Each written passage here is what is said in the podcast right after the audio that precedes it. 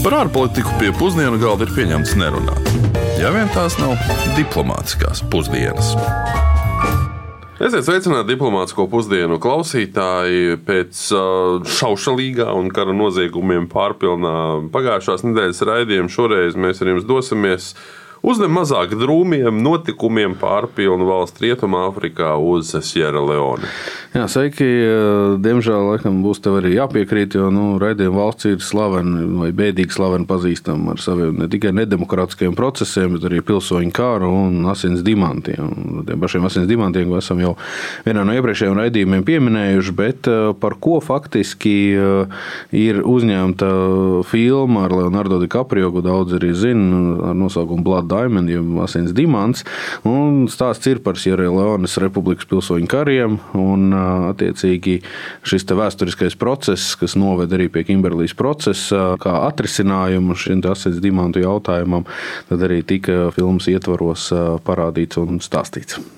Bet sāksim ar to, ka šī 8 miljonu cilvēku lielā valsts ir viena no vismazāk attīstītajām valstīm pasaulē saskaņā ar ANO tautas attīstības indeksu.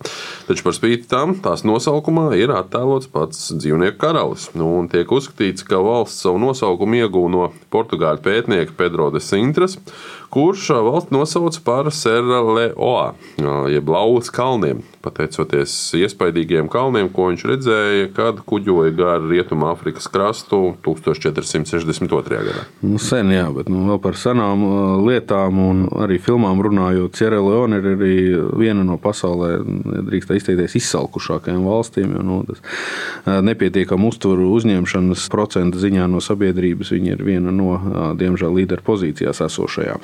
Tas ir savā veidā ironiski, jo tieši šeit tika uzņemta 1900. 87. gada Bounty šokolādes batoniņa reklāma paradīzes garša. Nu, attiecīgi šīs skaistās pludmales un pārpilnība ir filmēta tieši Sierra Leone.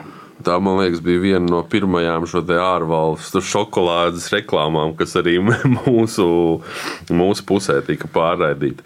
Bet ko tad Latvijas iedzīvotāji zinās stāstīt par šo valsti, to mēs devāmies skaidrot pat Rīgas ielās. Ar ko jums asociējas Sierra Leones republika? Skaisti nosaukumi. Uh, ja nemaldos, jā, tā bija Āfrikā, kaut kur blakus, tur, kur Gana. Un, bet neko specifiskāku es laikam nemācīšu pateikt. es pat nezinu, kur viņi atrodas, ja tā godīgi.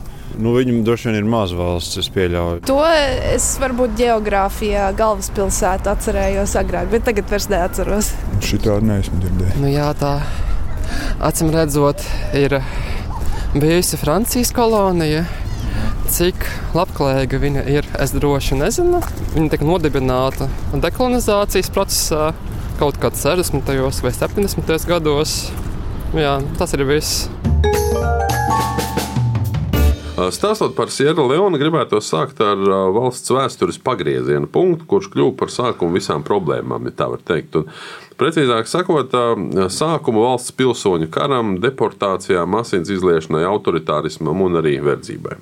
Un, sākotnēji 1961. gadā valsts kļuva neatkarīga no apvienotās karalistes, tika sarīkots brīvs un arī pat godīgs vēlēšanas.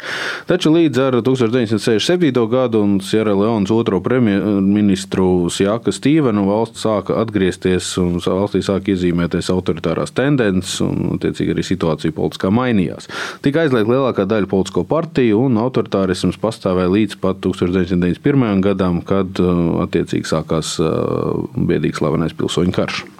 Papildus logu atstāja arī valsts politika, kur arvien vairāk raksturoja korupcija, slikta vadība, vēlēšana vardarbība kas arī noved pie ļoti vājas pilsoniskās sabiedrības, sabruka izglītības sistēma. Līdz 1991. gadam faktiski izauga tāda nu, vesela neapmierināto jauniešu paudze, nu, kas diezgan veiksmīgi iesaistījās un piesaistījās revolucionārajai apvienotajai frontei. Nu, Sērijānas pilsoņu kara ilgums bija apmēram 11 gadus, un, protams, ka te ir runa par desmitiem tūkstošu nāvju un vairāk nekā 2 miljonu cilvēku faktiski pārvietošanu. Tas apmēram trešā daļa valsts iedzīvotāji tika vardarbīgi pārvietoti, gan arī devās bēgļu gaitās. Nu, karš beidzās tikai 2002. gadā, un tā laikā Sierra-Leonas iedzīvotāji piedzīvoja nu, ļoti daudz zvērības, slepkavošanas, izvarošanas, sakropļošanas un arī bērnu karavīru vervēšanu. Viens no spilgtākajiem piemēriem bija revolucionārās apvienotās frontes darbības attiecībā uz demokrātijas procesu apturēšanu. Proti, 99. gadā, lai nepieļautu prezidenta vēlēšanas un sabiedrības iesaistīšanos balsošanā, šie kaujinieki organizēja reidus uz galvaspilsētas Frītaunas rajoniem, un tur noķertajiem iedzīvotājiem tika nocirstas rokas, citreiz pirksti, lai cik šausmīgi neliktos arī nogriezti deguni, tādā veidā vienkārši brutāli iebiedējot un fiziski neļaujot balsot. Jā, nu, protams, šī necilvēcība un, un brutalitāte noveda arī pie tā, ka 1999. gada janvārī pasaules līderi sāka diplomātiski iejaukties procesā un veicināt sarunas starp revolucionāro apvienoto fronti un valdību. Nu, rezultātā tika parakstīts Lomas miera līgums, un tas attiecīgi nemiernieku komandierim Fodajam Sankoham, Sierra Dimanta Raktuvju viceprezidenta amatu piešķīra un kontroli par to apmaiņā pret attiecīgi kauju pārtraukšanu un ANO mieru uzturēšanas spēku izvietošanu atbruņošanās procesa uzraudzībai. Par Dimanta Raktuvi viceprezidenta amatu un Dimantu lomu karā gribētos pastāstīt nedaudz vairāk. Un, um, nu, lai gan pēc Pasaules bankas datiem valsts IKP uz vienu iedzīvotāju ir tikai 448 eiro.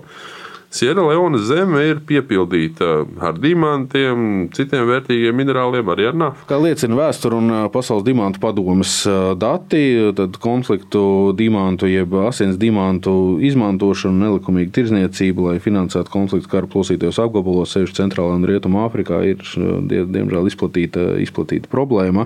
Tiek lēts, ka pilsoņu kara kulminācijā Sierra Leones konkrētajā gadījumā konflikta dimantu veidoja apmēram 4% no visas pasaules dimantu produktu produkcijas.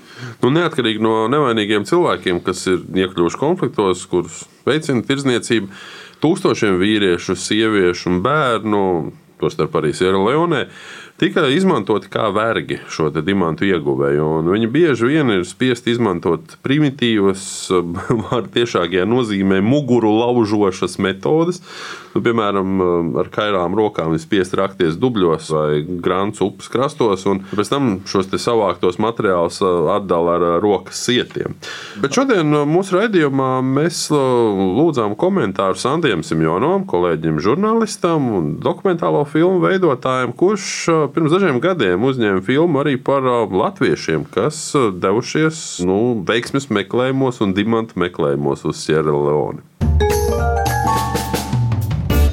Skaidrs, ka uh, Sierleona asociējas visiem ar dimantiem, lai arī tā ir diezgan nabadzīga valsts, bet tieši šī te, uh, dimanta rakšana un iegūšana, tas ir tas uh, brands, ar ko visi zina šie asiņainie dimanti, kas gan mūsdienās noteikti vairāk ir kā mīts, jo tas nāk no pilsoņu kara, ka tiešām 90. Uh, un 2000. kad šos dimantus izmantoja nemiernieku grupas, lai iegādātos ieročus, bet um, šodien, kā zināms, um, Sierleona ir diezgan miermīlīga valsts, bet uh, dimanta rakšana vēl aizvien turpinās, un tas ir tas, kas pievilina gan ārzemniekus, gan arī vietējos, arī daudz neko citu tur laukos, īpaši Kono provincijai, kas ir slavena dimanta iegūšanas vieta visā pasaulē. Nav ar ko nodarboties, un jau, kad tu ierodies Frītaunā, tur ļoti daudz arī šie dimanta uzpirkšanas veikaliņu bodītes, tur jau arī viesnīcā uzreiz numuriņā, kad ievācies pie durvīm ir uzraksts, ka nelegāla dimanta izvešana tiek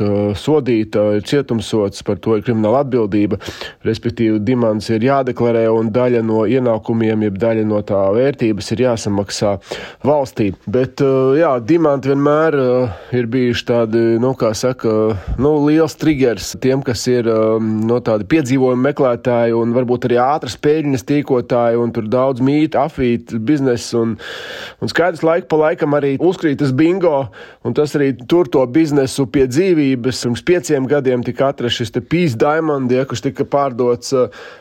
par 6,5 miljoniem dolāru. Nu, es domāju, tā ir ievērojama summa, ko tu vienkārši izroc no zemes. Tur, es saprotu, bija viens um, mācītājs Kono provincē, nolgojis vietējos, kas roku. Un, un patiesībā, kad tu tur ierodies, tur ir daudz vietējiem, kas ir lāpstām. To var redzēt, tad normāls process, tāpat kā, es nezinu, mums stāda kartupeļus uh, rokot ar lāpstu vai, nezinu, tur kādus citus pavasarī dārzeņas lietas, tur sēklas. Tad uh, tur uh, tie vietējie arī saka, maksā man, tu varētu man maksāt kaut kādu mēneša algu, tur nezinu, 20 vai 50 ASV dolārus, un es rakšu, nu, arī, protams, par uzturu man maksā, un es rakšu, kā saka, strādāšu tavā labā, varbūt kaut ko atradīšu.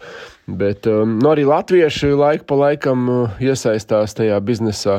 Nav nekāds noslēpums, ja, jo, protams, visiem ir tā cerība, ka dienas beigās kļūt bagātam un izrakt to savu dimantu. Bet, um, Nemaz tik viegli jau tas viss nav, un skaidrs, ka tas ir vairāk tāds mīts. Arī paši vietējie sauc to par gambling, tas tāda nu, tā spēlēšana, līdzīgi kā kazino būs vai nebūs. Tu nekad nezini, var visu dzīvi rakt, un nekas nebūs, un var nākamajā dienā izrakt to dimantu. Ar to tas bizness ir interesants, ar to tas bizness ir izaicinošs, un ar to varbūt arī Sierleona arī ir uh, pazīstama. Bet asiņainē dimanta, domāju, tā, tā noteikti ir pagātne, un to vairāk tādu glorificējusi, jeb to mītu radījusi Holivuda ar šo filmu par asiņaino dimantu. Bet nu, kādreiz jā, tā bija realitāte un tas bija stāsts. Bet šodien Serleona turpina savu dzīvi. Un kas interesanti, ka arvien vairāk mūsdienās arī tiek runāts, ka daļai no dimantu biznesa peļņas ir jānonāk vietējai sabiedrībai, kā arī tas bija ar to pīs diamantu, lai veicinātu izglītību, lai veicinātu šo dzīves līmeni arī tur laukos. Nevis, ka vienkārši baltais atbrauc pārpērk šo dimantu un aizved kaut kur uz attīstīto rietumu pasauli. Sierlandes pilsoņu karš un konflikta dimantu izmantošana uh, rezultējās 2000. gadā ar Kimberlī procesu. Tas uh, paredzēja samazināt konflikta dimantu plūsmu un apturēt uh, šo dimantu tirzniecību, lai nodrošinātu to, ka tie nekādā veidā vairs nevar finansēt vardarbību. Apvienoto Nāciju organizācijas valsts, Eiropas Savienība, 74 valstu valdības, Pasaules dimantu padomu un arī vairākas interešu grupas vienojās par schēmu, kuras ietvaros dalībniekiem ir jāapliecina, ka viss neapstrādāto dimantu eksports uh, tiek nu, ražots izmantojot likumīgas iegūšanas un pārdošanas darbības, proti, nu, bez jebkādiem konfliktiem. Jā, papildus gribētos arī uzsvērt, ka kopš uh, pilsoņu kara beigām Sierra Leone ir virzījusies uz demokratizācijas ceļu un valstī ir notikušas uh, demokrātiskas vēlēšanas, un pēdējās no tām bija 2018. gadā, ko raksturoja arī augsta vēlētāja aktivitāte. Neskatoties uz dažiem apgalvojumiem, gan, protams, to, ka vēlētāji, vēlētāji esot tikuši, protams, iebiedēti, kas Āfrikai, diemžēl, ir ļoti raksturīgs uh, demokrātiskā procesa ietvaros. Un, starp citu, nākamās prezidenta vēlēšanas ir paredzētas jau šī gada martā. Vienlaikus vēl jāpiemina, ka Sierra Leonas iedzīvotāji saskaras ar daudzām citām problēmām, sākot jau ar sliktiem sanitāriem pakalpojumiem, badu, arī augstu zīdaiņu mirstības līmeni. Daudzām ģimenēm nav pieejamas pamatvajadzības. Nu, kaut vai gandrīz trijiem miljoniem cilvēku nav pat piekļuvis tīram ūdenim. Un tomēr uh, valsts iedzīvotāji vēl tīri labi atceras 91. gadu un cenšas skatīties ar cerību uz savu nākotni. Un, kā mēs redzam, tad pamazām, pamazām, bet kaut kāda virzība uz labāku nākotni viņiem arī ir. Lai cik būtu paēdis, vienmēr ir vieta arī desertam.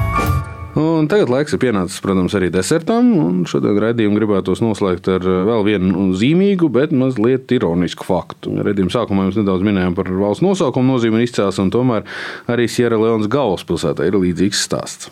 Sierra Leonas pirmās pilsētas un pašreizējās galvaspilsētas nosaukums ir Freetown. Un, um, ironiski tas ir ņemot vērā Lielbritānijas imperialistisko līdzdalību Sierra Leonē kopš pašas valsts izveidošanas. Galvaspilsēta dibināja 1787. gadā gadā viens no Sierra Leonas uzņēmumiem, kas pārstāvēja britu abolicionistu ideju, jeb idejas par verdzības atcelšanu. Nu, sākumā uz valsts tika pārvietot pirmie kolonisti, nedaudz mazāk par 500 cilvēkiem.